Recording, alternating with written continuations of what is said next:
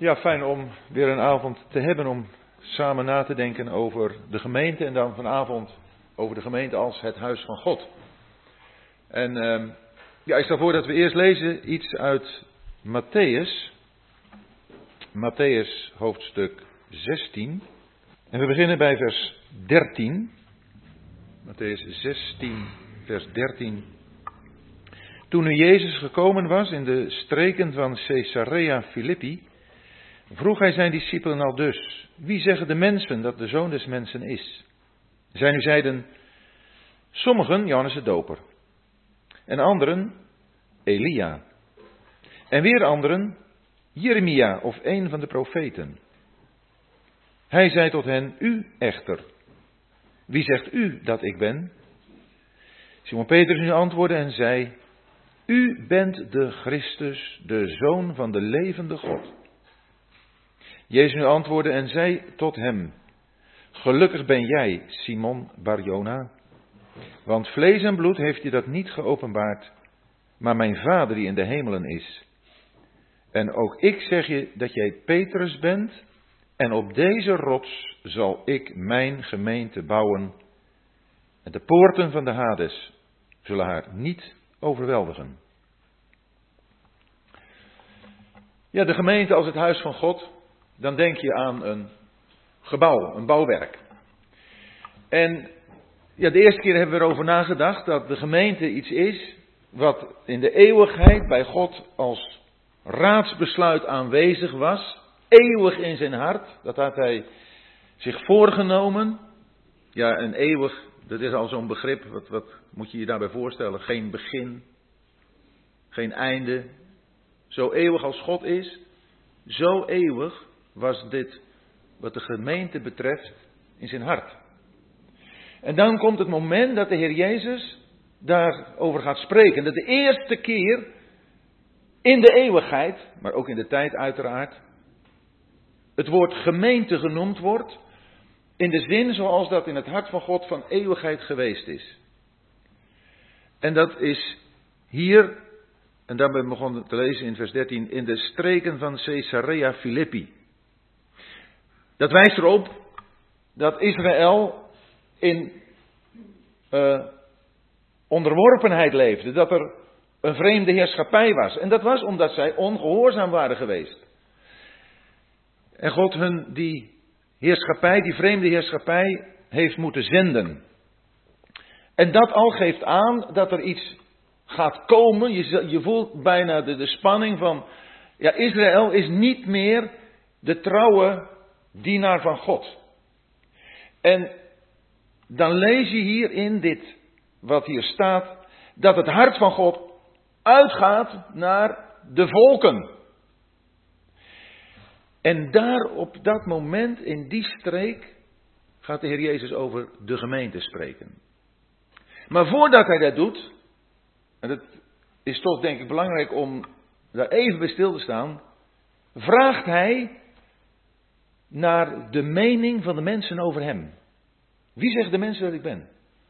En er komen daar uh, bijzonder uh, uh, mooie vergelijkingen. Ze denken, de een is het, dat ze zeggen Johannes de Doper, andere Elia en weer andere Jeremia of een van de profeten. Nou, nou, zeer vleiende benamingen, vergelijkingen maar zo totaal bezijden naast de waarheid. Want de Heer Jezus is niet als een van zulke bijzondere mensen. De Heer Jezus is uniek. En zo horen wij in de wereld om ons heen veel mensen over de Heer Jezus spreken met een zekere waardering. Maar het helpt helemaal niets met het oog op wie hij werkelijk is. En dan komt de vraag naar de discipelen en dan komt de vraag naar u naar jou en mij. Goed, dan kun je een heleboel van die meningen horen, maar wie zeg jij nou dat ik ben? Wat, wat zou je antwoorden? Je hoeft er niet nu dit te doen, maar als er aan je gevraagd wordt, wie, wie zeggen de mensen dat ik ben? Nou kun je wat zeggen, maar dan wie zegt, wie ben ik voor jou? En ik denk, voordat wij kunnen gaan nadenken over de gemeente als het huis van God, dan is het belangrijk dat wij een duidelijk antwoord kunnen geven over de vraag, wie ben ik voor jou. En dan geeft Petrus dat prachtige antwoord dat hij de zoon van de levende God is. Nou, dat is een bijzonder mooi antwoord. En dat is ook het ware antwoord.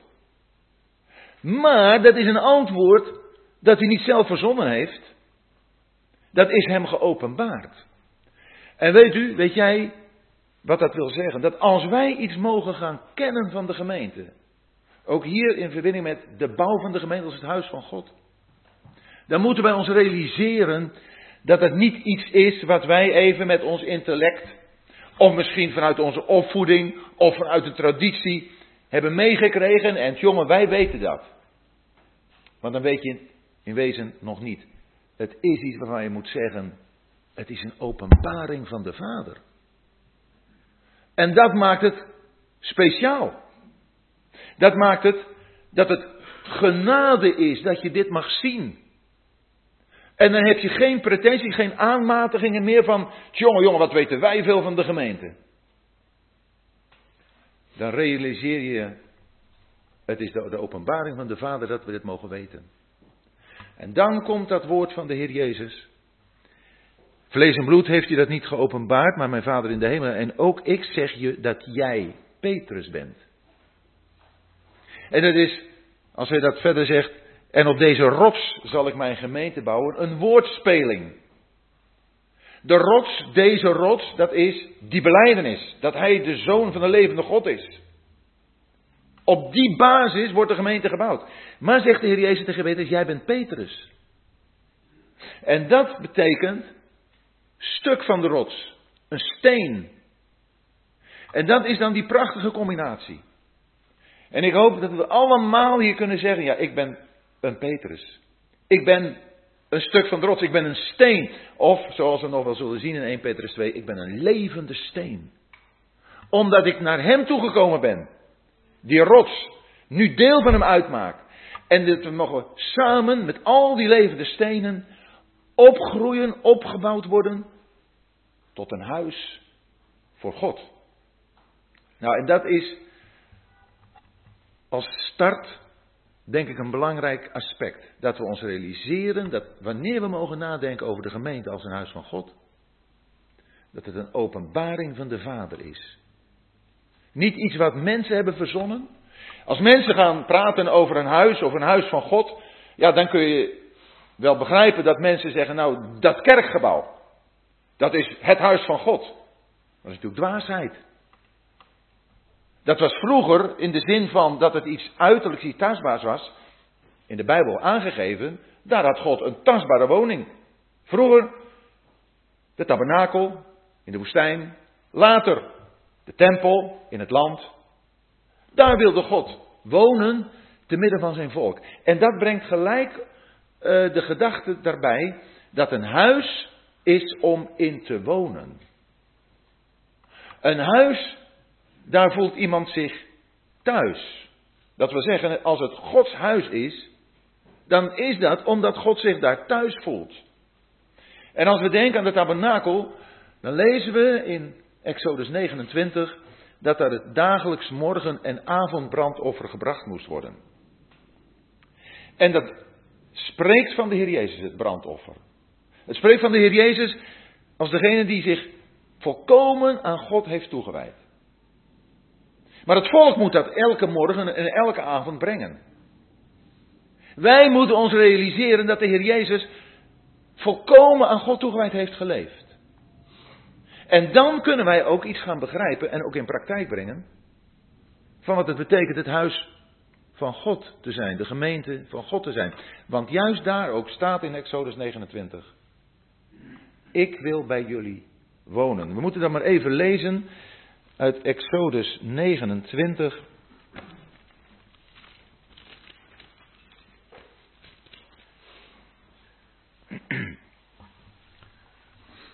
In vers 42, nadat God over het brandoffer, dat morgen- en avondbrandoffer heeft gesproken, dan zegt hij in vers 42, het moet een voortdurend brandoffer zijn, al uw generaties door, bij de ingang van de tent van ontmoeting of de tent der samenkomst, voor het aangezicht van de Heere, Daar zal ik u ontmoeten, om daar met u te spreken. Of daar zal ik met u samenkomen. Daar zal ik dan de Israëlieten ontmoeten of met hen samenkomen en zij zullen door mijn heerlijkheid geheiligd worden. Hier vinden we de basis van het samenkomen, het zijn van een huis van God, te midden waarvan God wil wonen. Dat lezen we dan in vers 45. En ik zal dan te midden van de Israëlieten wonen en ik zal hun tot een God zijn. En ze zullen weten dat ik de Heere hun God ben, die hen uit Egypte geleid heeft, opdat ik in hun midden zal wonen. Ik ben de Heere, uw God. Het volk Israël is niet verlost uit Egypte en niet door de Rode Zee gegaan om vervolgens dit volk maar allemaal individueel hun eigen weg te laten vinden in de woestijn. God heeft dat volk verlost omdat hij bij dat volk wil wonen. Te midden van dit volk. En dat is Gods gedachte geweest. En dat is het ook tot in alle eeuwigheid. Dan lezen we in het eind van het boek Openbaring dat hij bij de mensen woont. Als het tabernakel van God, dat is daar de gemeente in Openbaring 21, neerdaalt uit de hemel, dan staat er en God woont bij de mensen. God woont bij de mensen. Het huis van God is de woonplaats van God. Gebouwd op dit onwankelbare en ook onverwoestbare fundament. De Heer Jezus als de Zoon van de levende God. Dat betekent om daarvan deel te kunnen uitmaken, moet je dit leven bezitten. Dan ben je in verbinding met Hem die de levende God is. Zoals gezegd, dan ben je een levende steen. En mag je deel uitmaken van die woonplaats van God. Het is Gods verlangen om bij mensen te wonen. En dan zal het ons duidelijk zijn dat, zoals wij ook in ons eigen huis de regels bepalen, ook daar hoeven we, ze willen we later nog wel even over nadenken, dat God ook bepaalt hoe het in zijn huis toegaat, wie daar toe behoren. En dan krijgen we een kleine uh, moeilijkheidsfactor, om het zo te zeggen, die je als je naar, kijkt naar de gemeente als het lichaam van Christus en als de bruid van het lam niet hebt. Wat bedoel ik daarmee? Het lichaam van Christus bestaat alleen uit gelovigen. Er is geen lid in het lichaam van Christus dat ongelovig is, want dan ben je niet lid van het lichaam van Christus. De bruid van het lam bestaat alleen uit degenen die de Heer Jezus als hun leven hebben ontvangen. Die zijn met hem verbonden. Dat is die basis van liefde. Maar het huis van God, dat heeft twee aspecten. Dat heeft het aspect van God die bouwt. En dat heeft ook het aspect van mensen die bouwen. We zullen daar in 1 Corinthians 3 nog naar kijken. En daarom denk ik, eerst moeten we kijken naar de gemeente als huis van God, gezien vanuit Gods perspectief. Daar zijn we nu al mee begonnen door te zien in Matthäus 16 dat de Heer Jezus zegt, zal ik mijn gemeente bouwen. Als de Heer Jezus bouwt, is dat volmaakt. De Heer Jezus maakt geen fouten. Alleen degenen die naar Hem toegekomen zijn. Alleen degenen die met Hem verbonden zijn. Alleen degenen die hebben geloofd in Zijn naam en daardoor leven hebben. Alleen diegenen behoren bij het huis van God, gezien vanuit Gods perspectief. En dan gaan we nu lezen vanuit dit perspectief wat daarover staat in de brief aan de Efeziërs. En wel uit hoofdstuk 2.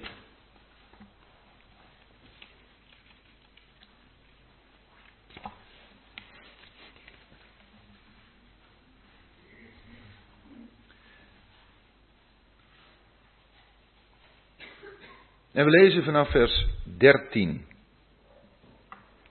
De brief aan de Efeziërs hoofdstuk 2 vers 13. Maar nu in Christus Jezus bent u die vroeger veraf was, nabijgekomen door het bloed van Christus. Want Hij is onze vrede. Die die beiden, dat zijn Jood en Heiden, één gemaakt en de scheidsmuur van de omheining weggebroken heeft. Toen hij in zijn vlees de vijandschap, de wet van de geboden die in inzettingen bestaat, teniet gedaan had. Opdat hij die twee, weer Jood en Heiden, in zichzelf tot één nieuwe mens zou scheppen. Vredemakend. En die beiden in één lichaam met God zou verzoenen, door het kruis, terwijl hij daardoor de vijandschap gedood heeft. En hij is gekomen en heeft vrede verkondigd aan u die veraf was en vrede aan hen die nabij waren. Want door hem hebben wij beiden in één geest de toegang tot de Vader. Dus bent u geen vreemdelingen en bijwoners meer, maar u bent medeburgers van de heiligen en huisgenoten van God. Opgebouwd op het fundament van de apostelen en profeten, terwijl Jezus Christus zelf hoeksteen is, in wie het hele gebouw, goed samengevoegd, opgroeit tot een heilige tempel in de Heer. In wie ook u mee opgebouwd wordt tot een woonplaats van God in de geest. Wij weten dat de brief van de Efeziërs ons de positie van de christen duidelijk maakt in Christus in de hemelse gewesten. We weten de brief van de Efeziërs ons vertelt over onze geestelijke zegeningen die onvervreemdbaar zijn. Die ieder kind van God mag bezitten. De brief van de Efeziërs vertelt zeker ook over onze praktijk, maar gaat uit van onze positie in Christus. Dat nieuwe wat door Christus, zijn werk op het kruis, wat eeuwig, Efeze 3 spreekt erover, het eeuwig voornemen van God, wat eeuwig bij God aanwezig was. In hoofdstuk 1 hebben we gezien, of ja, er is vorige keer over gesproken, dat dat ene lichaam daar is. Verbonden aan Christus. En hier gaat het erom dat er een ander aspect van de gemeente naar voren komt. En dat is dat die gemeente een woonplaats is van God. Maar hier komt er nog een aspect bij. En dat is dat wij ook huisgenoten van God zijn. Niet alleen God woont in het huis, wij wonen daar ook. En het is allemaal door de Heer Jezus, daar heb ik die versen ervoor ook bijgelezen, tot stand gebracht om vrede te geven. Vrede. Wat is een huis zonder vrede? Om bij God te kunnen zijn, om bij de Vader te kunnen zijn, ja, moet er vrede zijn. Romeinen 5 zegt dat vanuit een andere invalshoek. Maar daar lezen we dat, dat ik het verkeerd citeer in Romeinen 5. Wij dan, gerechtvaardigd op grond van geloof, hebben vrede met God. Door onze Heer Jezus Christus, door wie wij ook de toegang verkregen hebben. Door het geloof tot deze genade waarin wij staan. En dan mogen we ook nog roemen in de hoop op de toekomst. Maar hier zien we die vrede en die toegang, dat hoort bij elkaar. Je kunt niet echt een toegang hebben als er geen vrede is. Kun je ook in een gewoon gezin ontdekken. Als we kinderen hebben en dan hoop je, dat wens je, er bid je voor en vaak is het gelukkig zo, is er een goede verhouding. En als er een goede verhouding is, dan is er voor een kind altijd vrije toegang. Tot zijn vader, zijn moeder. Maar als er iets is wat niet goed zit, als die vrede daar niet is, van die relatie, dan, dan voel je die, die belemmering. Dus vrede en toegang, dat hoort bij elkaar. En de belemmering ligt niet aan Gods kant. De belemmering dat wij niet komen, ligt bij ons. Maar van God uit is de toegang vrij. Wij hebben de toegang tot de Vader door de Heer Jezus. En hoop ik dat u, dat jij je zo thuis voelt bij de Vader. Dat die vrede die, die je mag kenmerken, je eigenlijk ertoe aanzet om daar te zijn. Ik hoop ook, heel, heel praktisch, dat onze kinderen die vrijheid hebben. Was een keer, was ergens in, het, uh, in Duitsland was dat. Ik ook bij een broeder. En we nodigden hem uit om in zijn studeerkamer te gaan. En die had een bordje op zijn deur hangen. Eerst kloppen. Dat moesten ook zijn kinderen doen. Ik zei, joh, dat bordje moet je onmiddellijk verwijderen. Dat is niet een bordje voor je kinderen. Je kinderen moeten altijd vrije toegang hebben. Ik zeg niet dat er niet is, duidelijk iets is, een, een situatie waar nu, nu even niet. Maar er moet onbeperkte vrije toegang tot vader en moeder zijn. Anders klopt het niet, anders ben je niet het beeld van wat we hier hebben. Want het is dan niet alleen maar voor dat wij bij God mogen komen, maar dit is ook iets wat wij in onze gezinnen ja, behoren te weerspiegelen. En, en daar mogen we maar over nadenken als het niet zo is, maar dat, dat moet dan veranderen. Ik kan dat rustig zo zeggen. En misschien moet er wat naar beleden worden naar kinderen toe. Maar als wij drempels opwerpen, dan doen we iets wat God niet doet. God zegt: Kom. Je mag zo bij mij komen. Nee, dat heb ik graag. Ik zie je zo graag komen. En ik zeg nu weer God, terwijl ik denk, nee, het staat hier Vader. Daar komen we ook nog over onze naderen tot God. Natuurlijk is het hetzelfde, maar ik denk, Vader is nog dat intiemere. Als we denken aan God, en daar zullen we nog bij stilstaan, gaat het over dat we bij Hem komen om Hem te offeren. Maar hier gaat het niet om Hem iets te geven. Hier gaat het erom dat je er bent. Dat je gewoon er bent. Dat God het fijn vindt dat je je bij Hem thuis voelt. Je hoeft niet je uiterste best te doen om je uh, te bewijzen. Om, om als het ware de aandacht op je te wezen. God, kijk toch eens hoe fijn ik het vind om bij u te zijn. Dat past niet in een relatie van wonen, van rust en vrede hebben. En dat is zo prachtig hier. We zijn geen vreemdelingen en bijwoners bij Hem. We zijn vreemdelingen en bijwoners in de wereld. Daar spreekt Peter dus over. Maar bij de Vader zijn we geen vreemdelingen en bijwoners. Bij de Vader ben je thuis. Die toegang is ons gegeven door de Heer Jezus, door Hem. Wij komen daar niet even vrijpostig met, nou hier ben ik. Nee, we hoeven ook niet, ik stel het een beetje wat, wat uh, plastisch misschien voor, we hoeven ook niet te vragen, Heer Jezus, mag ik even naar de Vader gaan? Het mooie van wat de Heer Jezus tegen Maria Magdalena zegt als hij is opgestaan, is, ik vaar op naar mijn God en uw God, naar mijn Vader en uw Vader. Ga heen en vertel dat mijn broeders. Daar is een familierelatie. En zoals de Heer Jezus voor de Vader um, ja, kostbaar is, dat, dat hij daar mag zijn, dat hij, ja, hij is er natuurlijk eeuwig geweest, maar na, na zijn opstanding geeft dat nog een extra dimensie. Maar daar, daar is hij thuis.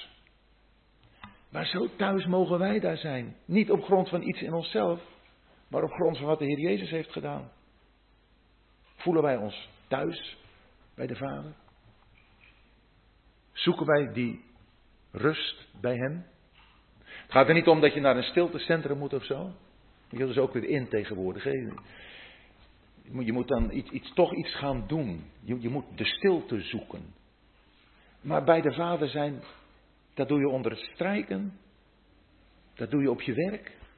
Dat doe je als je met auto's bezig bent om die te monteren of te wassen of wat dan ook. Dat doe je. Je bent bij de Vader. Dat is niet een speciale uh, gelegenheid. Daar moet je niet een speciale opknapbeurt voor ondergaan. Een bepaald taalgebruik voor gaan leren. Het is de Vader. En kom zoals je bent. Zo ziet hij je graag komen. Die toegang is er. Wat een toegang. Geen vreemdelingen en bijwoners meer, maar medeburgers van de heiligen. Ja, het, het, is iets heiligs in de zin van, het is iets volkomen afgezonderd van wat zonde en wereld is. Medeburgers van de heiligen, van allen die voor God afgezonderd zijn, die de Heer Jezus kennen. Die met God verzoend zijn door het kruis.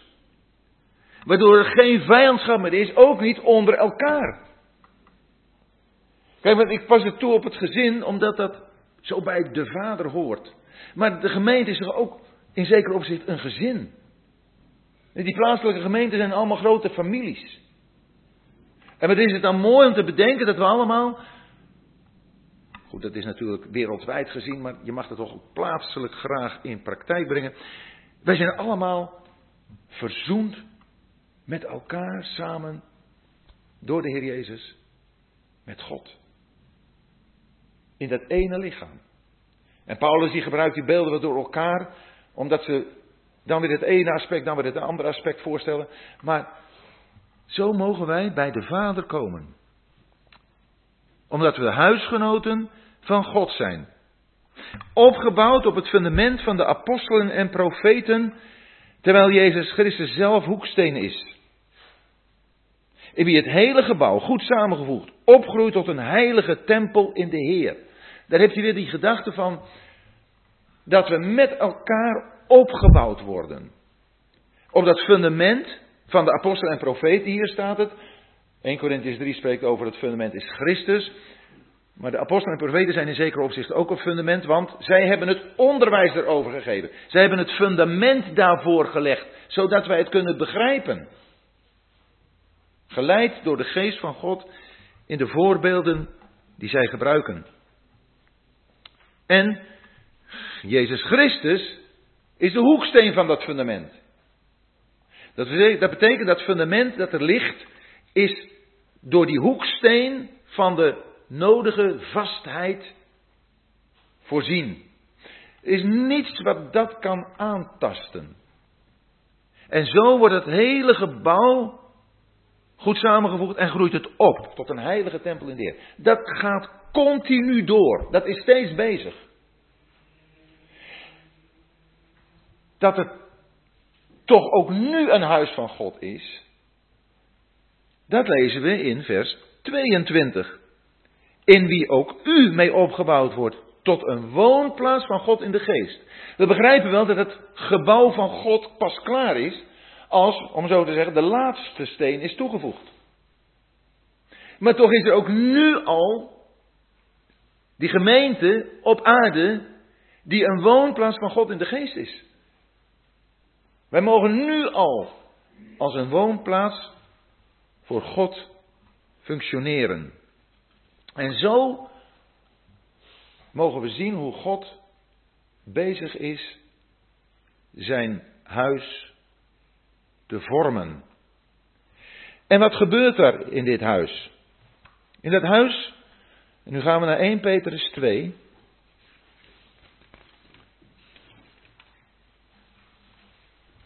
Vindt namelijk een dienst plaats, een priesterdienst. We lezen 1 Petrus 2.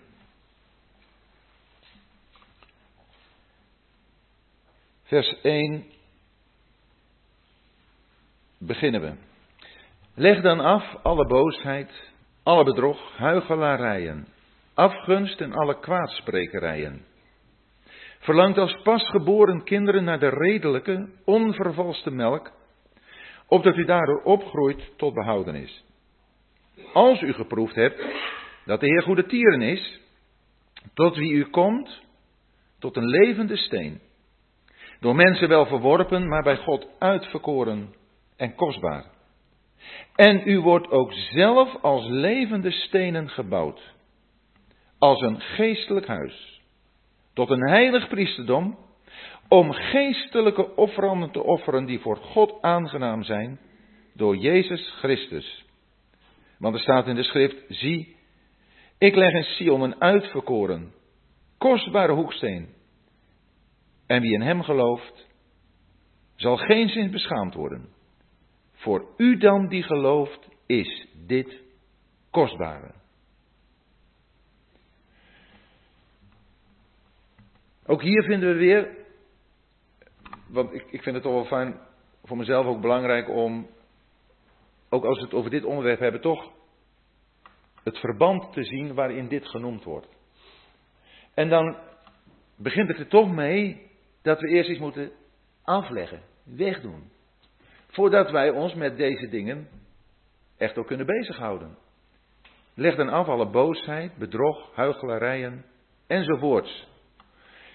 Als er nog iets is in ons hart van dit soort dingen, dat moet eerst weg. Anders zullen we er niets van begrijpen, laat staan het in praktijk kunnen brengen. En dan komt, verlangt als pasgeboren kinderen naar de redelijke, onvervalste melk.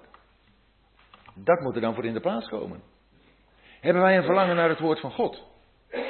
Willen wij die onvervalste melk van het woord tot ons nemen? En dat heeft niets te maken met uh, dat wij baby's in het geloof zijn. Johannes die spreekt in zijn eerste brief over de verschillende groeistadia. Je hebt baby's in het geloof, jongelingen in het geloof, vaders in het geloof. Maar wat deze drie groepen allemaal behoort te kenmerken is dat ze als pasgeboren kinderen naar de redelijke onvervalste melk van het woord verlangen. Een vader in Christus blijft dat verlangen hebben. Zoals een pasgeboren kind daarna verlangt naar die moedermelk, zo blijft een vader in Christus daarna verlangen naar dat woord. En ik ben zo bang dat dat verlangen soms wat, wat weg-ebt. Dat dat verlangen er niet meer zo is.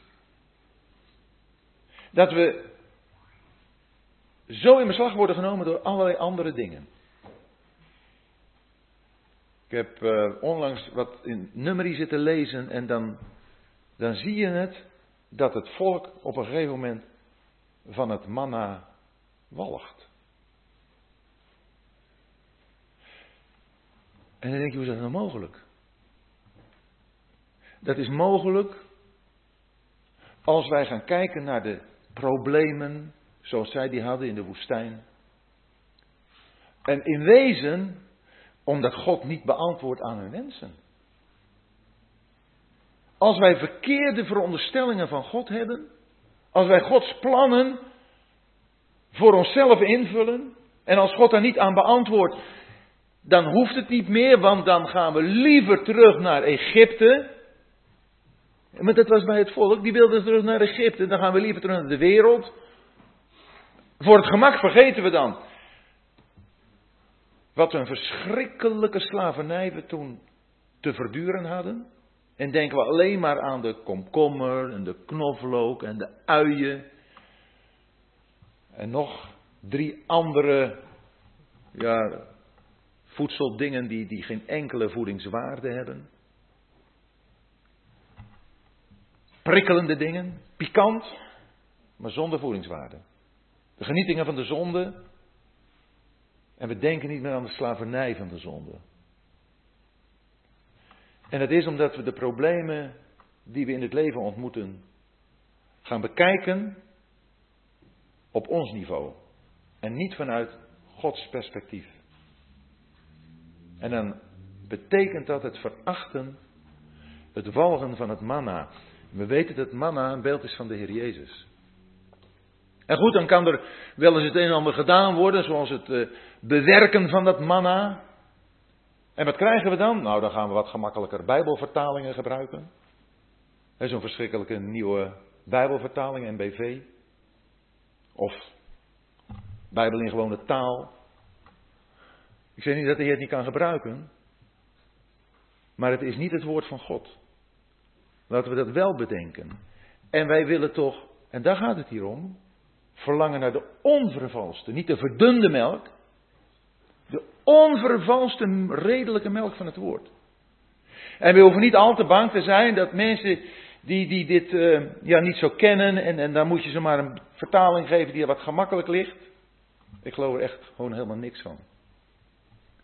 Er zijn hele goede Nederlandse Bijbelvertalingen, Bijbelgetrouw, door Bijbelgetrouwe mensen opgesteld, die we zo kunnen geven. De onvervalste, redelijke melk van het woord. Zijn we daar nog verlangend naar? We moeten die niet verdunnen. En ook niet, om zo te zeggen, onze samenkomsten, dat wonen van God wat aantrekkelijker maken, wat laagdrempeliger maken. Natuurlijk, drempels die wij opwerpen moeten we slechten. Maar niet het woord aanpassen. Die onvervalste redelijke melk van het woord, hebben we daar nog honger naar? Verlangen we daarnaar? Dat is het uitgangspunt. Anders hoeven we niet eens te gaan praten over het huis van God en hoe God wil dat het in zijn huis toegaat. Want dan hebben wij onze eigen invulling al een beetje klaar. En dan zegt Petrus, opdat u daardoor opgroeit. Daardoor groei je op. Als je niet het onvervalste woord neemt, dan groei je scheef. Dan is het scheefgroei. En weet je, in dit verband, in 1 Petrus 2, weet je wat je dan krijgt? Mismaakte priesters. Zoals we in Leviticus 21 hebben. Priesters die niet in staat mochten zijn, die niet in staat werden gesteld om priesterdienst te oefenen. Ze mochten wel eten, maar ze konden geen priesterdienst doen. Als mensen een verkeerde kijk hebben over de Heer Jezus. Als ze bijvoorbeeld zeggen dat hij had kunnen zondigen, hoewel hij het niet gedaan heeft is dat een mismaking. Dan zijn we niet in staat om priesterdienst te oefenen zoals God dat wil. En zo zijn er verschillende aspecten in het onderwijs van Gods woord, dat als we daar niet dat onvervalste redelijke woord tot ons hebben genomen, dan kunnen we geen priesterdienst uitoefenen. Maar is dat er wel? Is dat verlangen er wel? En we kunnen ons vergissen, we kunnen ook verkeerde leerstellingen hebben ontvangen, maar we zullen ons willen laten corrigeren. Ook als je al ouder bent, als je een vader in Christus bent, en er komt iets op je af waarvan je zegt van, oh wacht even, dat heb ik altijd verkeerd gezien. Dan wil je dat corrigeren, want je wilt je door het woord laten corrigeren. En dan, tot wie u komt, dan proef je dat de Heer goede tieren is. En die goede tierenheid, die mogen we ook naar elkaar toe uiten. En dan gaat het er niet om dat zodra iemand iets verkeerd zegt in de samenkomst, dat je hem dan gelijk op zijn uh, huid zit van joh, hoe kom je ertoe om dat zo te zeggen? Wat belangrijk om goede tieren te zijn hierin. Om hulp, behulpzaam te zijn. Geduldig, genadig, goedertieren te zijn. Laten we dat elkaar ook proeven we moeten een duidelijke, schriftuurlijke basis hebben. Maar we zijn allemaal beperkt. We kunnen ons allemaal vergissen. We kunnen zelfs ook verkeerde voorstellingen van zaken hebben. Maar hoe gaan we er met elkaar om? Toen we tot de Heer kwamen, hebben we geproefd.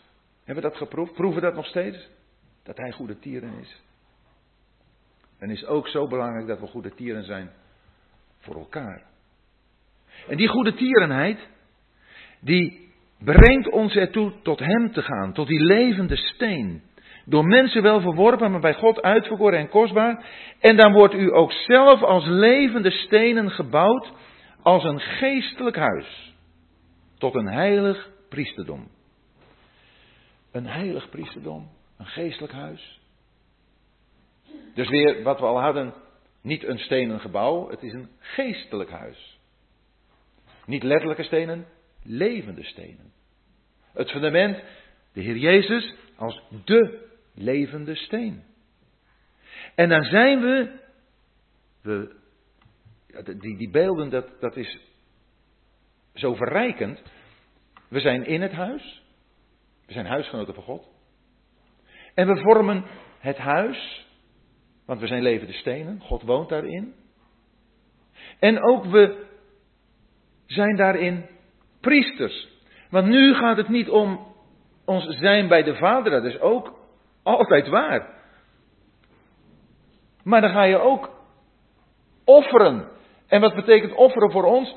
Dan gaan wij de Vader vertellen over de Heer Jezus. Als in Exodus 40 de tabernakel is opgericht, de woonplaats van God, dan daalt daar die wolk neer. God komt daar wonen, vinden we later ook bij de tempel, dat die wolk daar neer God gaat daar wonen. En dan lees je in Leviticus 1 de eerste woorden die God spreekt vanuit de tent der samenkomst. Als iemand mij een offer wil brengen. Hij zegt, kom, breng mij een offer. Hij zegt niet, jullie moeten. Ja, dat zegt hij in hoofdstuk 4. En dat heeft met zonde te maken. Als je gezondigd hebt, moet je komen. Maar God een offer brengen om hem te bedanken voor de Heer Jezus. Om hem iets te vertellen over de grootsheid van de Heer Jezus. Kom er ook wel eens van onder de indruk als je over de Heer Jezus nadenkt? Dat hij die alles heeft geschapen, het hele universum, die het ook in zijn hand draagt, die mens geworden is, zo klein, als een baby,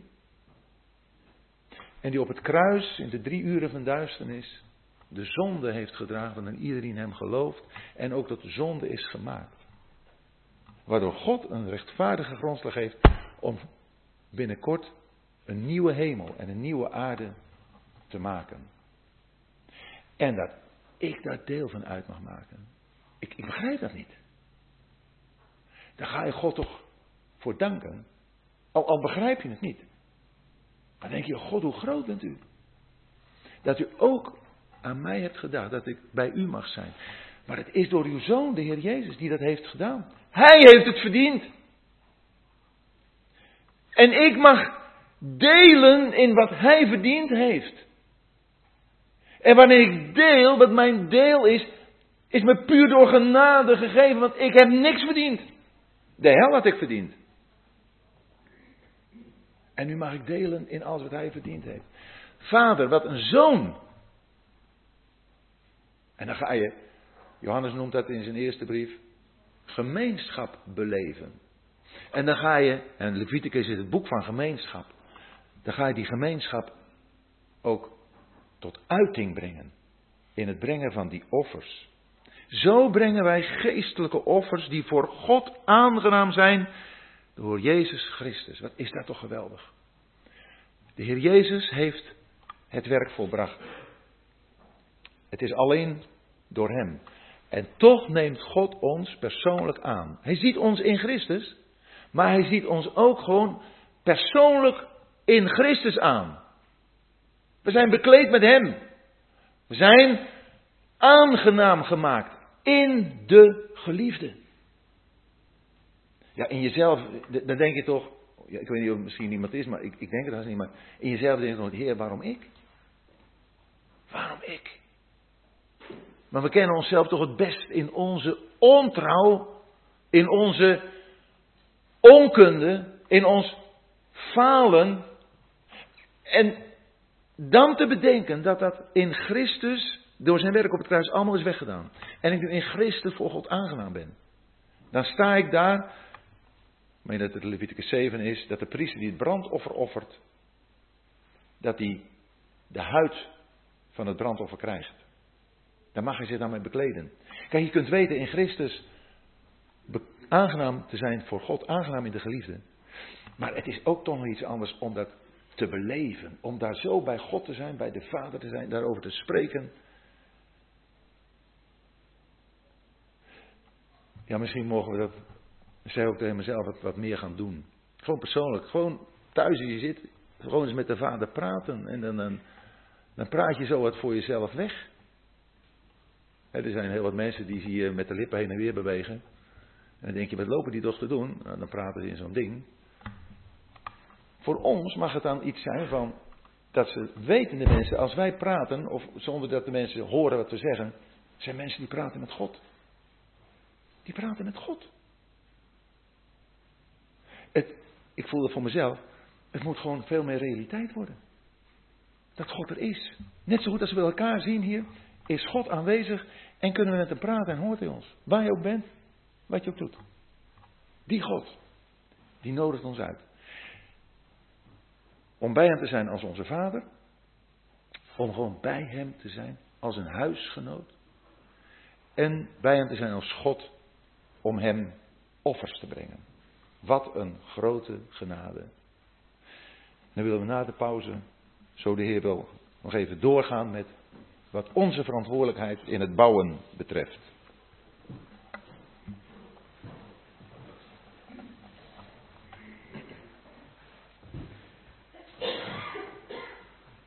Nu lezen uit de eerste brief aan de Corinthiërs, uit hoofdstuk 3.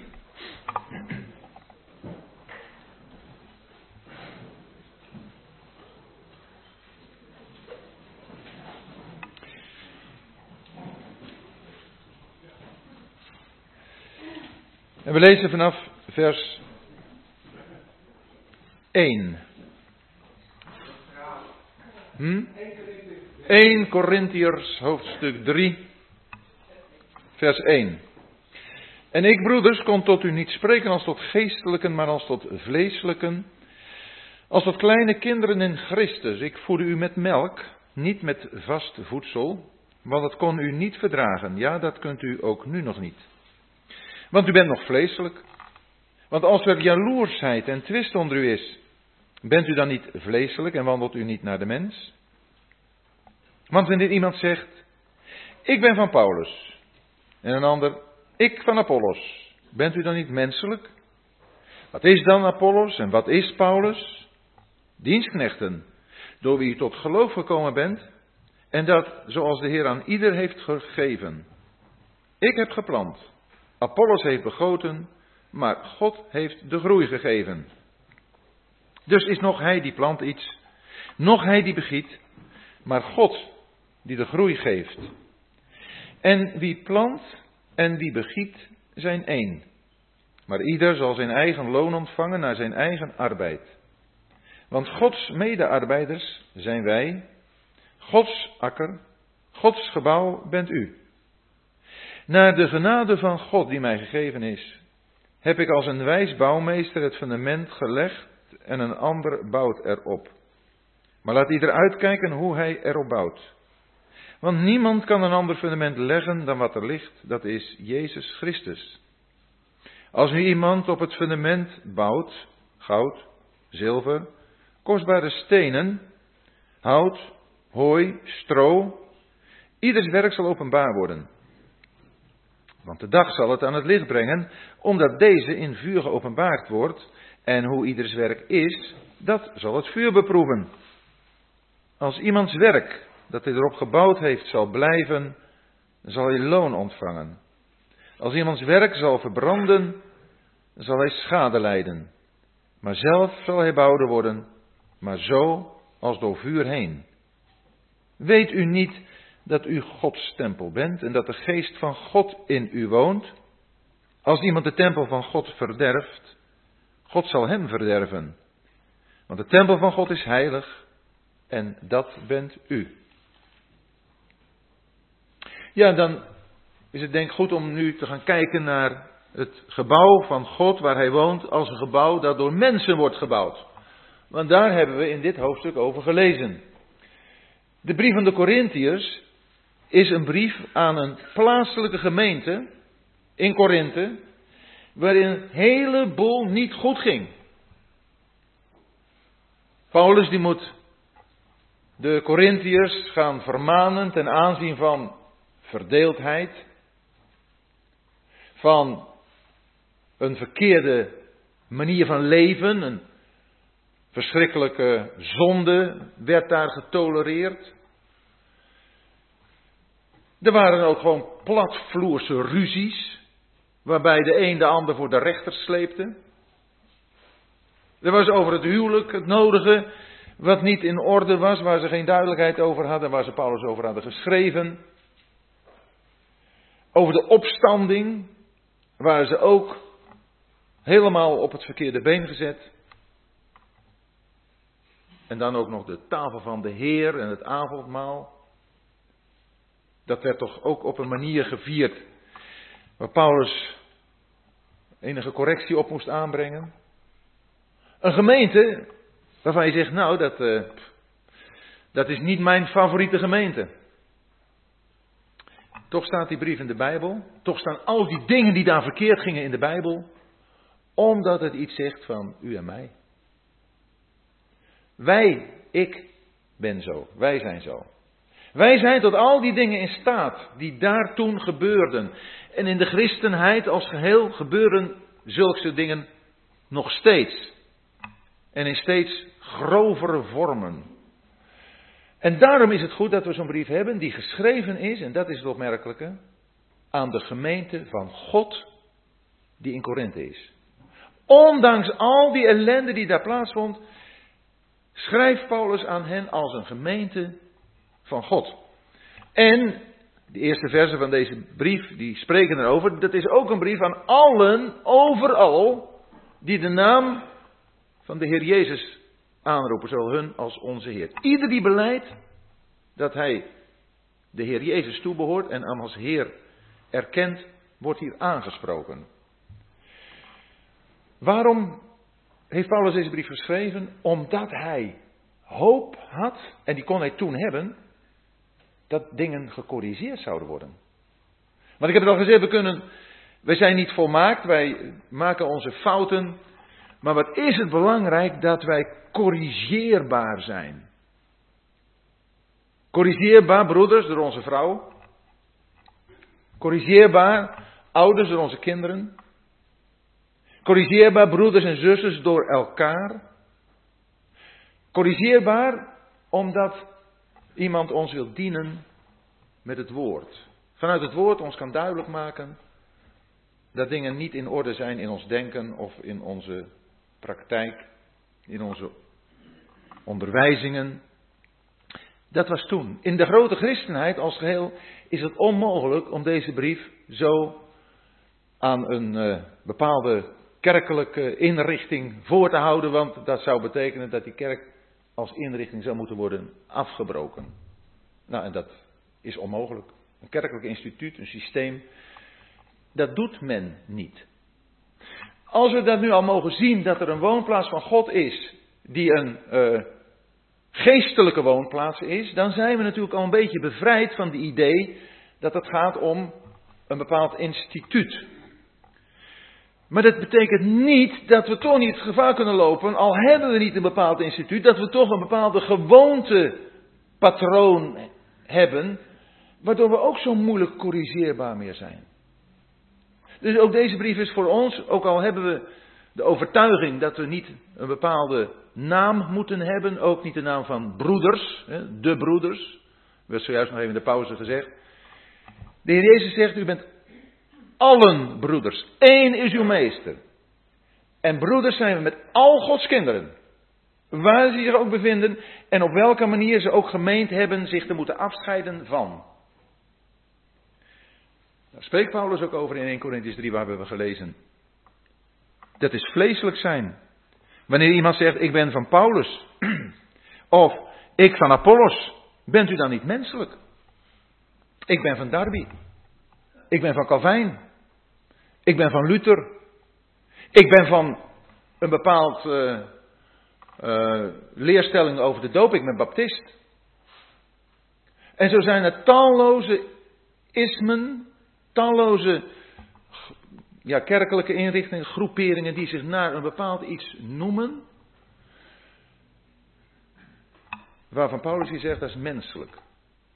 Het moet ons genoeg zijn dat we kinderen van God zijn. En daardoor broeders en zusters van elkaar. Dat is het enige. Elke titel, ook vergadering, ik ga naar de vergadering, als een onderscheid van andere groepen, is niet juist.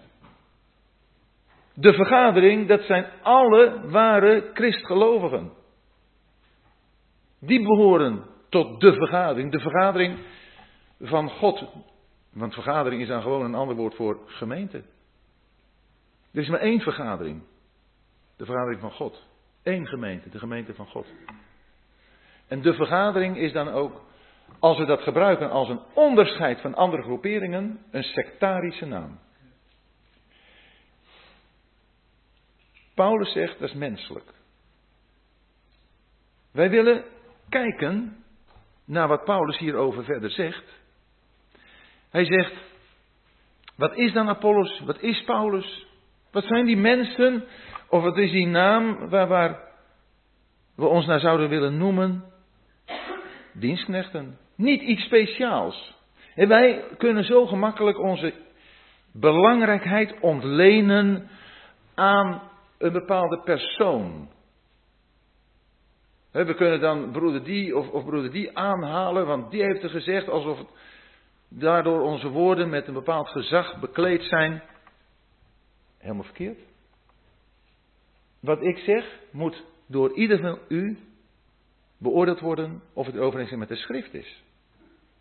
Niet of ik iets gezegd heb of dat ik namens iemand iets zeg, maar of het in de schrift staat. Daar gaat het om. En Paulus zegt, nog hij die plant is iets, nog hij die begiet, maar God die de groei geeft. God geeft de groei. Zowel de geestelijke groei in die gemeente, als ook de getalsmatige groei, maar vooral de, de geestelijke groei in die gemeente. God geeft die groei. In het begin hebben we het al gezien, het is de openbaring van God waardoor we mogen weten dat de Heer Jezus zijn gemeente bouwt. Die openbaring is dat de Heer Jezus de Zoon van de levende God is. Hij is het fundament. En als we dat mogen kennen, is dat zijn openbaring. En als we mogen groeien, is het God die die groei bewerkt. Natuurlijk moeten wij ons inspannen. We hebben het gezien in 1 Petrus 2 dat wij verlangen moeten zijn als pasgeboren kinderen naar die onvervalste redelijke melk. Maar Paulus zegt hier: jullie,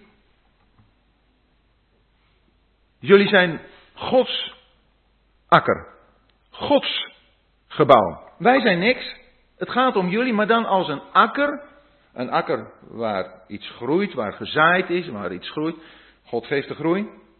En dan ineens gaat Paulus over naar het andere voorbeeld, het andere uh, beeld. Hij gaat over van een akker naar een gebouw. En daar gaat hij dan verder op door. En dat gebouw, zegt Paulus, dat is ook van God. Gods gebouw bent u. Gods akker. Het gaat allemaal om God als degene die iets toebehoort. Het is van Hem. Als wij, als jullie hier in Zandijk iets van de gemeente van God mogen voorstellen, is het omdat het Gods gemeente is. Jullie maken, wij maken het met elkaar niet uit. Plaatselijke gemeente maakt het. God bepaalt dat. Gods gebouw. En dan komt, zoals gezegd, onze verantwoordelijkheid aan de orde. Paulus heeft het al met betrekking tot het planten en begieten gezegd in vers 7. Nog hij die plant is, nog hij die begiet, maar God die de groei geeft. En wie plant en wie begiet zijn één, maar ieder zal zijn eigen loon ontvangen naar zijn eigen arbeid. Zie wel, dan heb je die verantwoordelijkheid. We zijn allemaal daarmee bezig. We zijn allemaal aan het zaaien, aan het planten, begieten. Maar ook, en daar gaat het nu om, we zijn ook allemaal aan het bouwen. Paulus die zegt, naar de genade van God. Paulus is zich ook goed bewust dat het genade is dat hij zo mag bezig zijn. Genade is het uitgangspunt en genade blijft de basis. Naar de genade van God die mij gegeven is, heb ik als een wijs bouwmeester het fundament gelegd. Dat fundament heeft hij verkondigd in de predingen van het evangelie. Hij heeft gezegd, de Heer Jezus Christus, hem moet je aannemen. Hij heeft daar gepredikt. Veel mensen hebben het evangelie aangenomen in Korinthe. God heeft gezegd, ik heb veel volk in deze stad. En het evangelie, dat komt hij later in hoofdstuk 15 nog een keer uitvoerig op terug. Wat dat evangelie is. Hoe belangrijk het is het evangelie van je behoudens te geloven. Weten we het nog? Het evangelie van onze behoudens, hij zegt dan in 1 Corinthians 15, dat is Dat je gelooft dat Jezus Christus gestorven is voor onze zonden naar de schriften. De schrift. En dat hij is begraven en opgewekt op de derde dag naar de schriften. Dat is het evangelie van onze behoudenis. Dat is het fundament. Daarop staan wij. Niet een ander fundament heeft hij gelegd. En dat is wat wij moeten doorgeven als wij gaan bouwen. En dan zegt hij, een ander bouwt erop. Dat mogen we weten. We willen daarop bouwen. Geen andere evangelie. Paulus zegt in Galaten 1, als iemand komt en een ander evangelie, een andere Jezus predikt, niet de Jezus van de schriften, vervloekt zij hij. Dit mogen wij prediken als het fundament. En zo bouwen wij. En wat is dan dat bouwen dat wij doen? Wij bouwen, ik, ik hoop, dat is mijn verlangen in elk geval vanavond ook, te bouwen. Te bouwen aan een juist zicht op de gemeente. Het vormt mijzelf ook weer, maar dat maakt het ook zo uh, belangrijk en gevoelig ook dat ik het op de juiste wijze doe, maar ook voor jullie om dat op de goede manier te beoordelen. Ik moet erop toezien, maar jullie allemaal. Als je met elkaar spreekt over deze dingen, hoe spreek je daarover? En we, leven toch in een tijd van grote invloed van de christenheid om alles wat soepeler te nemen, gemakkelijker te maken, aantrekkelijker te doen zijn. En ik zeg niet dat dat iets in een bepaalde starheid moet gebeuren, maar we moeten dat fundament niet verlaten. We moeten het toebrengen van die stenen niet zo maken dat er gemakkelijk verkeerde stenen ingevoegd kunnen worden. Niet levende stenen. Waardoor iemand die uh, misschien het evangelie verkondigt heeft en zegt, jongen, dat is zo mooi. Natuurlijk, ik wil Jezus aannemen. Natuurlijk, ik wil Jezus gaan volgen. Geweldig. Iemand die het woord terstond met vreugde ontvangt. En die Jezus zegt, dat is iemand die heeft geen wortel. Het gemakkelijke evangelie. Ben je gelukkig?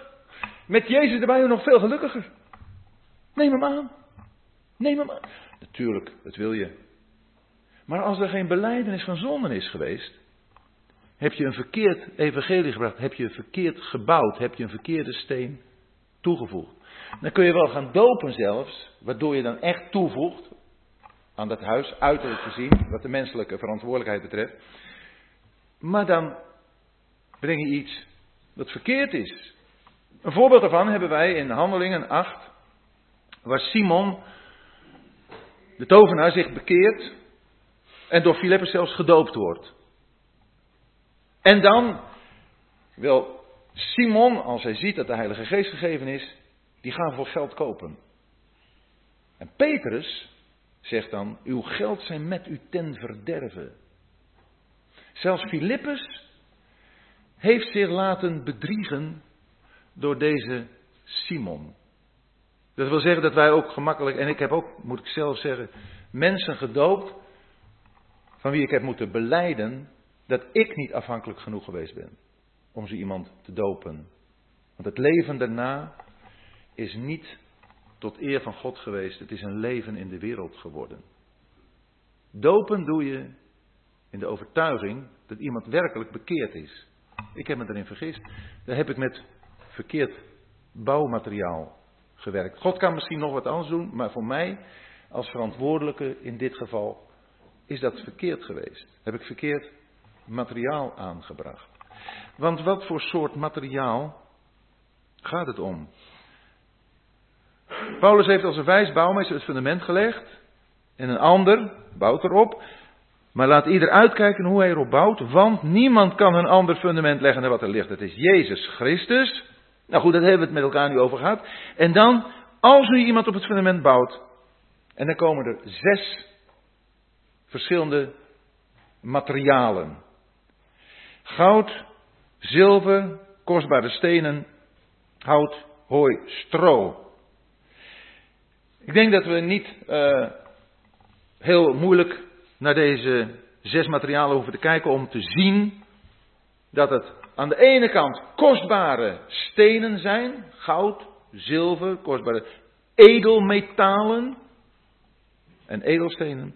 En aan de andere kant hout, hooi, stro, dat is iets wat geen enkele houvast geeft. Wat bij, de huis, wat bij het bouwen van een huis niet iets is waar je echt op kunt bouwen. En in dit verband, waarin we het lezen, als er een brand ontstaat, geen stand houdt. Want dat is het. Goud, zilver en steen, die blijven bestaan. Hout, hooi en stro, die worden verwoest. Alles wat ik in, ja, ik neem aan oprechtheid, maar zeg wat niet naar de wil van de Heer is, dat zal, en dat staat hij dan, in de dag dat alles openbaar wordt, weggedaan worden, verbrand. Alles ook wat ik heb bijgedragen aan, aan personen die ik zou hebben gedoopt, die niet waarachtig bekeerd zijn, die gaan naar de hel. Dat is bouwmateriaal van hout, hooi, stro. De dag brengt het aan het licht. Er komt een rechterstoel van Christus. En ja, dan wordt wat hier staat, het werk van een ieder openbaar. Van ons allemaal. En dan gaat het niet alleen maar, zoals gezegd, om misschien iemand die ik gedoopt zou hebben, maar ook alles wat ik gezegd heb. Ook alles wat u, wat jij gezegd hebt. in een ander verband of in een andere uh, samenhang uh, zaaien we. We zaaien woorden. We zaaien, we zaaien. Woorden. Het doet iets. Woorden doen iets. Zo kun je ook zeggen dat onze woorden bouwen of afbreken. En dat wordt allemaal voor de rechterstoel van Christus geopenbaard. En ik moet zeggen, ja, ik, ik zie er echt naar uit. Ik verlang ernaar. En ik, mijn verlangen is ook om nu al in het licht van de rechterstoel te leven. En als Paulus zegt, dat lezen we in hoofdstuk 4 van deze brief. Want het betekent voor mij het minste in vers 3 dat ik door u of door een menselijk gericht word beoordeeld. Ja, ik beoordeel ook mijzelf niet. Als hij dat zegt, dan zegt hij erbij, ik ben mij van niets bewust, maar daardoor ben ik niet gerechtvaardigd. Maar hij die mij beoordeelt is de Heer. Oordeelt daarom niets voor de tijd, totdat de Heer komt. Die ook wat in de duisternis verborgen is aan het licht zal brengen. En de raadslagen van de harten openbaar zal maken. En dan zal ieder zijn lof ontvangen van God. Oordeelt niets voor de tijd heeft te maken met de motieven waarmee wij iets doen of waarmee een ander iets doet. Wat wij wel zeker moeten beoordelen is iemands levenswijze, de praktijk van zijn leven. Als we zien dat daar zonde is, dan moeten we dat beoordelen. Maar we kunnen zelfs ons eigen hart niet volledig beoordelen. Wij zijn niet objectief, ook niet naar onszelf. Daar hebben we elkaar voor nodig. Maar ook dan voelen we dat we ons kunnen vergissen. Het gaat erom dat wij zo bezig zijn, alsof we nu al voor die rechterstoel staan, en zo aan het werk zijn voor de bouw van de gemeente. Dan zal gezien worden of onze bijdrage, wat wij gebouwd hebben, zal blijven. Dan krijgen we loon. Maar als het werk verbrandt, dan zal je schade lijden, maar zelf zal je behouden worden, maar zo als door vuur heen, gelukkig. In onze zwakheid zullen we dingen hebben gedaan die, ja, waarvan we moeten zeggen, nee, dat, dat is verkeerd geweest. En zo voor mezelf dan toch moet zeggen van die enkele gevallen die ik eh, van de doop weet. Maar dan gelukkig is het werk van de Jezus voor mij gebeurd en weet ik dat ik gered ben. Maar ik zal schade lijden door dat wat ik heb bijgedragen aan een uh, verkeerd bouwwerk, aan, aan, heb ik iets verkeerds bijgedragen aan dat bouwwerk. ja, daar zal ik geen loon voor krijgen. Dat, dat is schade. En dat wil je niet. Maar gelukkig, je wordt behouden. En dan komt er een nog erger geval in vers 16. Weet u niet dat u Gods tempel bent en dat de geest van God in u woont? Als iemand de tempel van God verderft, God zal hem verderven. Want de tempel van God is heilig. En dat bent u. Hier gaat het om mensen die bewust in de gemeente komen, valse broeders, om een verkeerde leer te brengen. Dat kan zijn een opnieuw invoeren van de wet, zoals in de brief van de Galaten. Kan ook zijn een totale uh, vrijzinnigheid van doe je maar waar je zin in hebt. Ook die kerk en gemeenten zijn er. Een, een, Paulus heeft het in 2 Timotheus 2 over een Hymenaeus en Philetus die al die zeggen dat de opstanding heeft plaatsgevonden. Echt vreselijke dwalingen ten aanzien van de Heer Jezus. Johannes spreekt daarover in zijn tweede brief van mensen die de leer van Christus niet brengen en die daarom uh, buiten de gemeenschap staan met wie je geen gemeenschap mag hebben. Wij moeten dat beoordelen. Paulus zegt dat hier. En Paulus die spreekt er het wee over uit. De tempel van God is heilig. Bij een tempel denk je aan wonen, maar ook aan heiligheid. Psalm 93 zegt in het laatste vers: De heiligheid is voor uw huis een sieraad.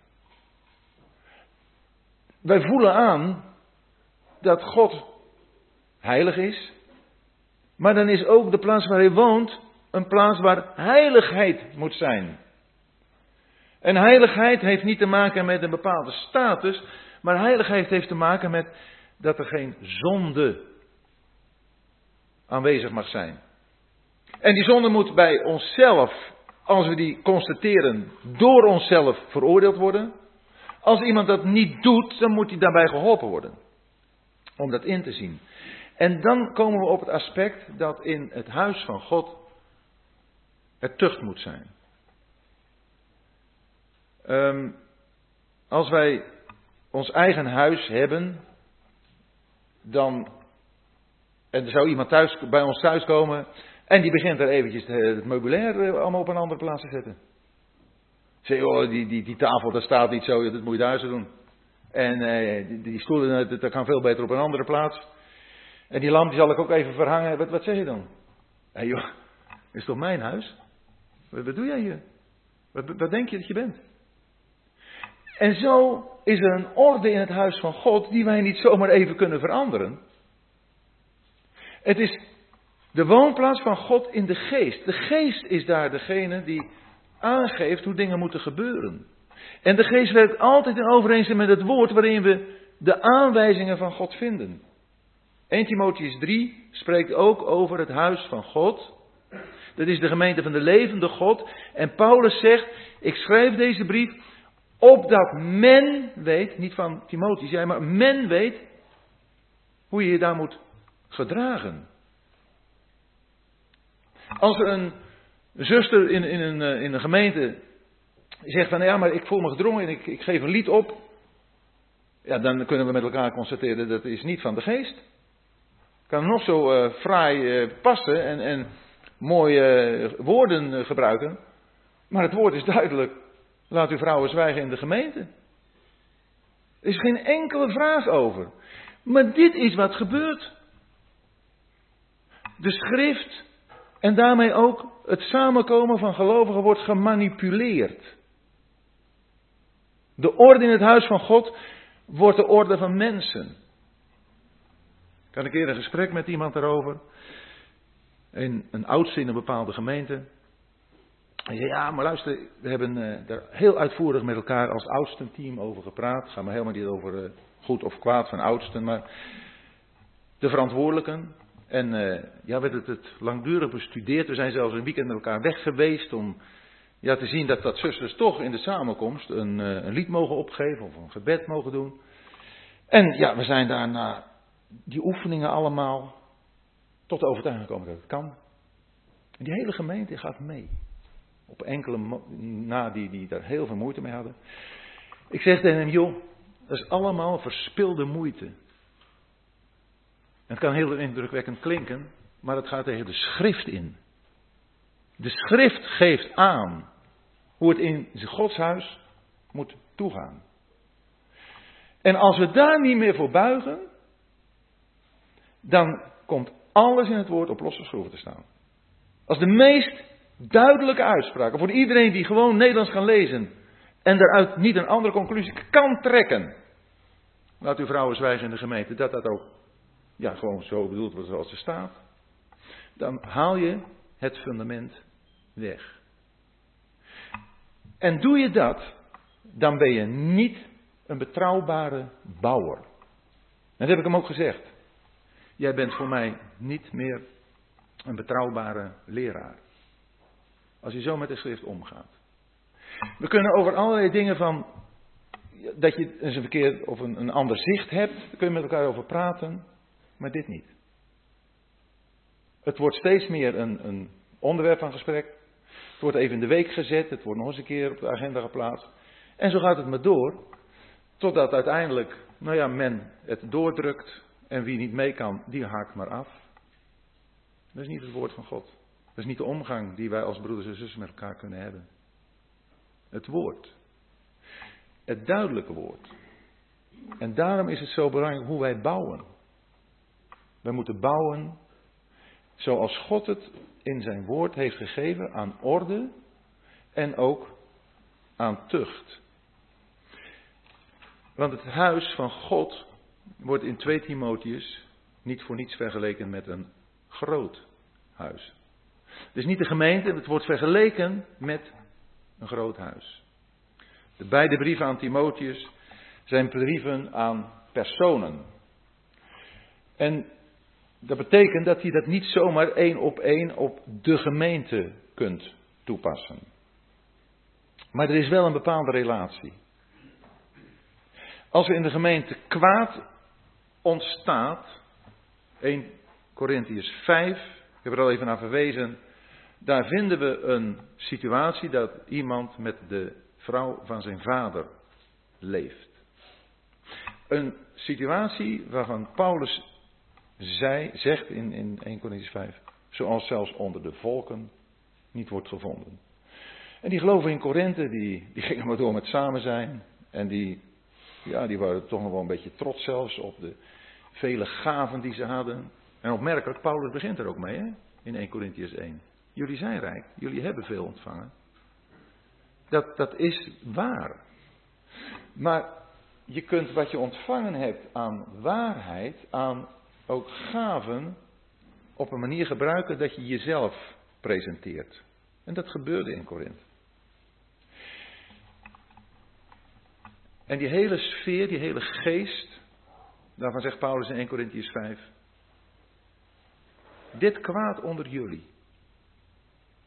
Jullie hebben er niet eens over getreurd. Zo zegt hij dat. Doet het ons nog wat als er dingen in de gemeente gebeuren die echt niet kunnen? En dat bedoel ik echt niet kunnen. In de zin van, ja, vandaag de dag is natuurlijk de, de pornografie, de hele uh, gendergekte, die, die slaat helemaal door en dat beïnvloedt ons allemaal. Je bent niet als man of vrouw uh, geschapen, maar je bent wat je voelt. Nou ja, en voel je je als man een vrouw, dan laat je je ombouwen. Maar voel je als volwassen een kind, zoals ik las uh, op, op uh, NOS, nou dan ga je gewoon als een kind gedragen. Zo heeft een man zijn uh, gezin verlaten, zeven kinderen had hij. Is eerst met een man samenwoond en daarna is hij als kind zich gaan gedragen. Dit gebeurt als de scheppingsorde van God op zijn kop wordt gezet. Of niet alleen op zijn kop wordt gezet, volkomen wordt buitengesloten. En zulk soort dwaasheden. En ik bedoel niet te zeggen dat wij niet met iemand die worstelt met bepaalde dingen. medelijden moeten hebben. En daarbij moeten zijn en er omheen moeten staan. Dan moeten we werkelijk. Een persoon die daarmee worstelt, die mogen we niet afschrijven. Die mogen wij helpen, die mogen we voor bidden. Anderen hebben een probleem met geld misschien. Met een uiterlijk. Met andere dingen waar die mee worstelt. Bepaalde nood die er is. En het zou fijn zijn als we dat met elkaar konden delen.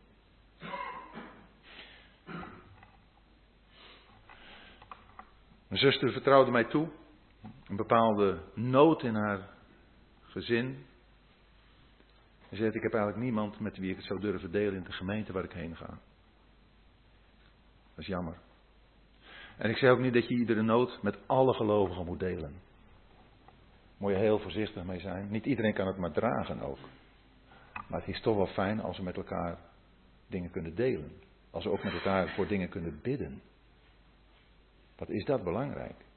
En dan dat wat betreft het worstelen dat iemand heeft met bepaalde zaken. Dan gaat het in 1 Corinthians niet daarover, maar over een verkeerde levenspraktijk. Een bewuste houding van zonde. En dan hebben we de verantwoordelijkheid. Maar dan weten we uit Matthäus 18 ook dat we eerst moeten proberen zo iemand te winnen.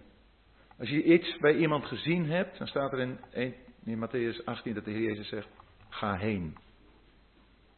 Vermaan hem tussen, jou, tussen hem en jou alleen. En dan gaan we soms wel eens de fout in dat we het toch te vlug met anderen delen. Dat moeten we niet doen. Als we iets zien, iets constateren of een bepaalde zorg hebben dat iets niet goed gaat, praat met die broeder, die zuster. Uit liefde, bewogenheid. Als hij luistert, heb je gewonnen. Heb je hem gewonnen? Heb je haar gewonnen? Lukt dat niet, neem nog één of twee mee. Probeer het hem of haar ervan te overtuigen. Luistert hij, zij, dan heb je gewonnen. Gebeurt het dan nog niet? Ja, dan, dan zeg het aan de gemeente. De gemeente is de hoogste gezagsinstantie van God op aarde.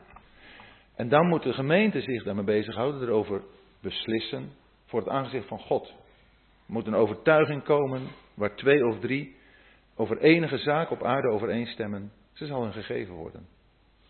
Dus het is ook een kwestie van gebed. Een gebedslast daarvan maken. We moeten ons daarmee vereenzelvigen. De Corinthiërs hadden dat in het begin niet gedaan, in Corinthians 5.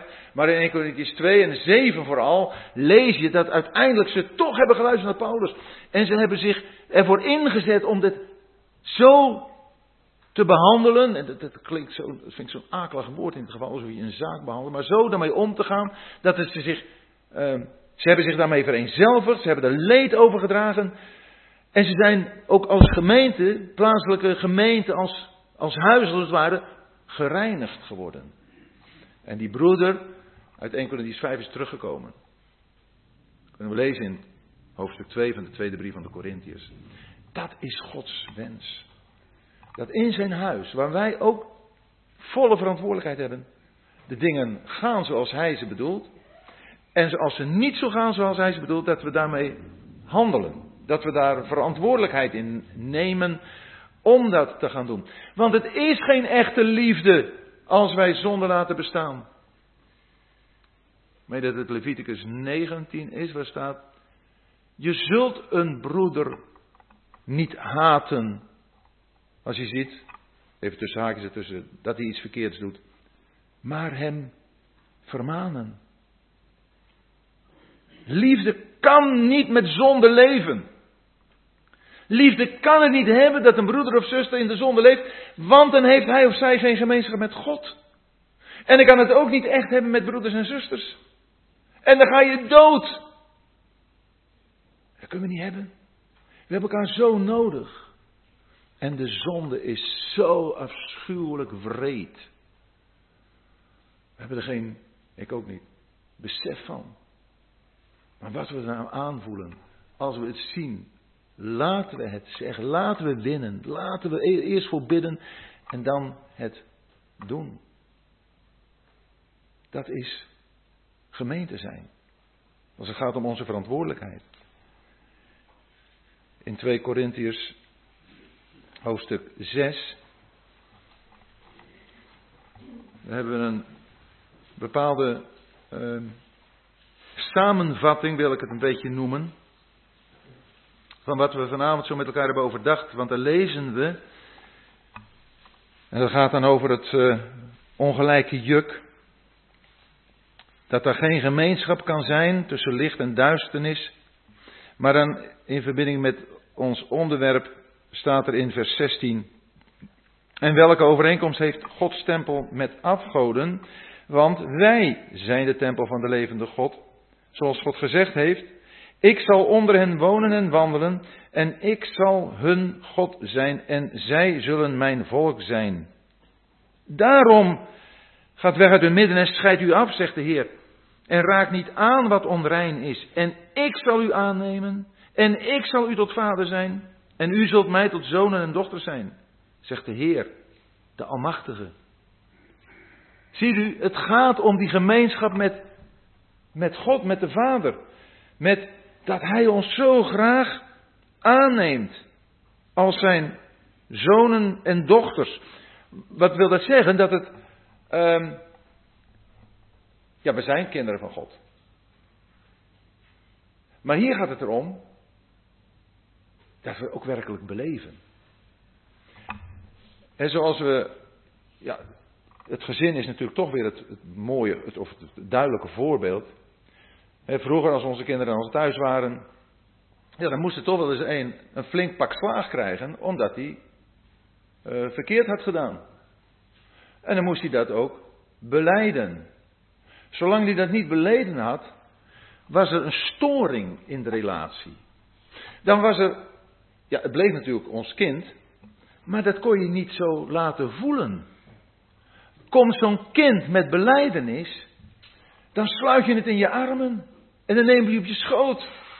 En dan knuffel je het en dan zeg je wat fijn. En dan is de relatie weer hersteld. Dan voelt dat kind dat ook. Dan kun je het laten voelen. En zo kan God het ook ons laten voelen. Als wij ons afscheiden van wat niet bij Hem hoort. Er is geen overeenkomst tussen Gods tempel en de afgoden. Een afgoderij, ja, kunnen we toch wel zien als een verzamelnaam voor, voor zonden. De hebzucht, dat is de afgoderij. Maar, maar in wezen is, is zonde toch aan iets hangen buiten God. Dat, dat is zonde. En die afgoderij, ja, daar is geen omgang met God mogelijk als we dat hebben. Zoals, en daarom wordt dat tegen ons gezegd, omdat wij de tempel van de levende God zijn. Heb je weer de, wij zijn de tempel van de levende God, daar zijn we mee begonnen. Matthäus 16. De zoon van de levende God. Want God die wil onder ons wonen en wandelen en onze God zijn. En wij zullen zijn volk zijn. Daarom weg. Weg in ons denken van wat de wereld bezighoudt. Weg, uiteraard van zonde. Weg van alles wat niet in verbinding met de levende God staat. Het zelfs niet aanraken, zegt uh, het woord hier. Raak niet aan wat onrein is. Gaat ver, hè? En dat moeten we allemaal maar voor onszelf nagaan. Heer, is er iets in mijn leven waar ik toch wat tegen dat onreine aanhang? Ik, ik ben er nog niet helemaal door, door in beslag genomen, maar ik neig er toch toe om dit of dat te doen, aan te nemen. Misschien in mijn denken, Raak het niet aan. En dan zegt God, en ik zal u aannemen. En ik denk toch, als je dat ziet, en ik zal u aannemen. Als dat zijn betekenis voor mij heeft, dan wordt het niet moeilijk om het onreine niet eens aan te raken. En misschien kunnen we even voor onszelf nagaan. Aanraken doen we ook als we bijvoorbeeld bepaalde dvd's zien. Eh, internet. Het is niet allemaal zo onschuldig. Maar we weten wel wat, wat voor ons En voor de een is het dit, voor de ander dat. Maar wat ons zo toch beïnvloedt, dat we het niet aanraken. misschien als we het aangeraakt hebben, dan kunnen we het beleiden. En dan kunnen we die gemeenschap met de Heer weer, weer hebben. Gods tempel, Gods huis. Daar is heiligheid het sieraad. Ik hoop niet dat het iets beklemmends is. Maar dat het een vreugde is, omdat het gaat om God die heilig is. Die God, die in zijn heiligheid zijn zoon voor mijn zonden oordeelde. En als mij dat bijblijft, dan denk ik dat voor mij in ieder geval heiligheid niet iets beklemmends is. Maar iets waarvan ik zeg, Heer, u neemt mij aan. Ja, u heeft me aangenomen. We zijn aangenaam gemaakt in de geliefde. Maar ik wil het ook beleven. Als een zoon, een dochter voor u te zijn. In uw huis. In uw tegenwoordigheid. Waar u woont. Kijk, we zullen er tot een eeuwigheid zijn in het huis van de Vader. Daar is geen enkele vraag meer over. Zou ik dit wel mogen doen, dat wel mogen doen? We hebben nog onze vragen. En dat is ook goed. Dan mogen we ook God over spreken. Ook als we bepaalde dingen niet weten, niet een antwoord uit de Bijbel hebben. Vind je ook zo mooi in het boek Nummerie. Ja, dat als er een situatie is waar ze niet van weten hoe ze daarmee om moeten gaan, dan gaan ze naar de Heer toe. Naar de Heer toe. Naar God toe. Hij zegt: Kom. Kom om bij mij te zijn. Kom met je vragen. Kom met je aanbidding. Hij is het zo waard. En hij is zo ontzettend goed. Als je gesmaakt hebt dat de Heer goede tieren is, dan wil je graag bij Hem zijn.